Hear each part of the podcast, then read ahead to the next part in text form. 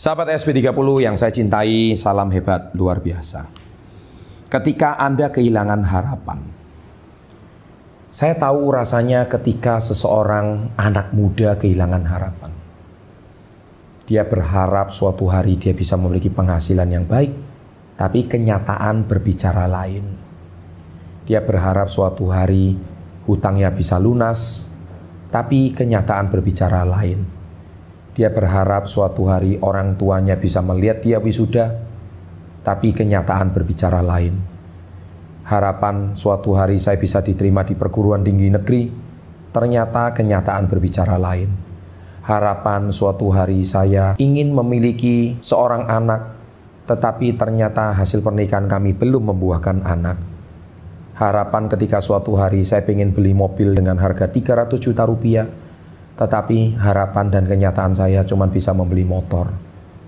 Sahabat SB30 yang saya cintai, berapa kali harapan kita tidak pernah menjadi kenyataan. Entah berapa kali harapan kita tidak kunjung menjadi kenyataan.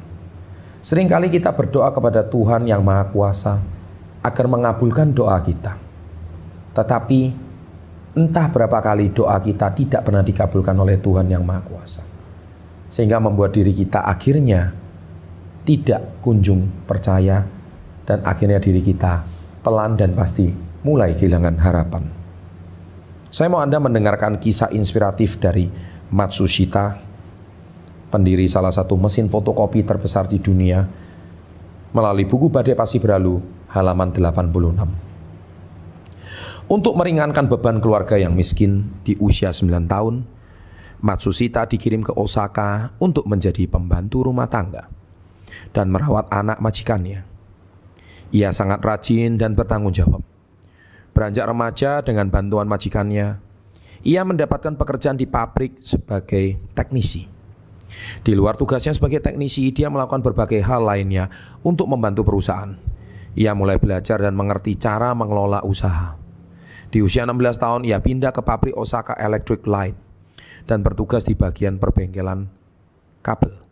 Setelah dua tahun bekerja, ia memutuskan untuk sekolah malam di Kansai School of Commerce dan Industri di Osaka. Pemuda ini bekerja sambil belajar. Karirnya terus meningkat hingga usia 22 tahun. Ia diangkat sebagai penguji para mandor. Setelah tujuh tahun bekerja, ia memutuskan berhenti dan memulai usaha sendiri pada tahun 1918. Saat itu ia hanya mempunyai tabungan 20 yen dan uang pesangon 42 yen. Ia memulai bisnis di rumah kontrakan berukuran 40 meter persegi. Perusahaannya itu menjadi cikal bakal raksasa bisnis Panasonic yang sekarang merupakan produser elektronik terbesar di Jepang.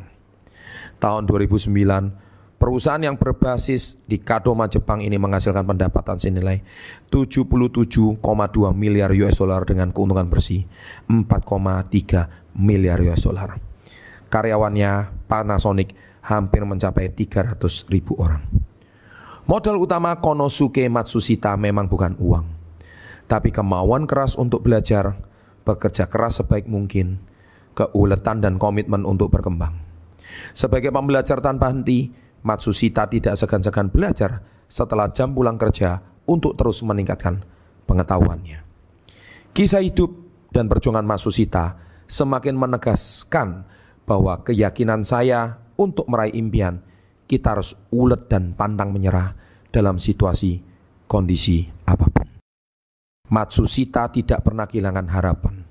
Orang bodoh dikalahkan oleh orang yang pandai. Orang pandai dikalahkan orang yang beruntung. Orang beruntung dikalahkan orang yang ulet dan ikhlas. Itulah jawaban yang menggambarkan bahwa tidak ada kesuksesan di dunia ini tanpa kerja keras dan keuletan.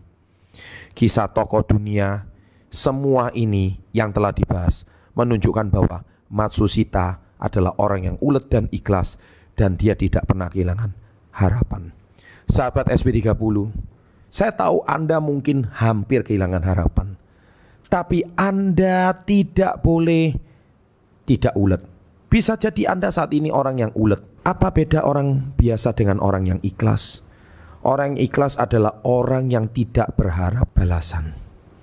Dia memberi tanpa pamrih, tanpa berharap imbalan.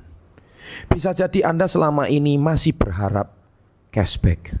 Anda masih berharap imbalan. Anda ketika membantu sedikit banyak masih berharap imbalan. Tidak salah Anda berharap imbalan. Tetapi ketika Anda berharap dengan ikhlas, bisa jadi Anda akan mendapatkan imbalan yang tidak pernah Anda bayangkan sebelumnya. Ketika Anda kehilangan harapan, bisa jadi Anda memberikan himbarannya tanpa keikhlasan. Tirulah Matsusita, orang yang ulet dan ikhlas memberi tanpa henti dari cuman penjaga rumah tangga, tapi hari ini menjadi raksasa Panasonic yang luar biasa di dunia. Sahabat SP30, semoga Anda bisa tetap memiliki harapan dan jangan pernah kehilangan keuletan dan selalu memberi dengan keikhlasan. Dari saya Chandra Putra Negara, salam hebat luar biasa.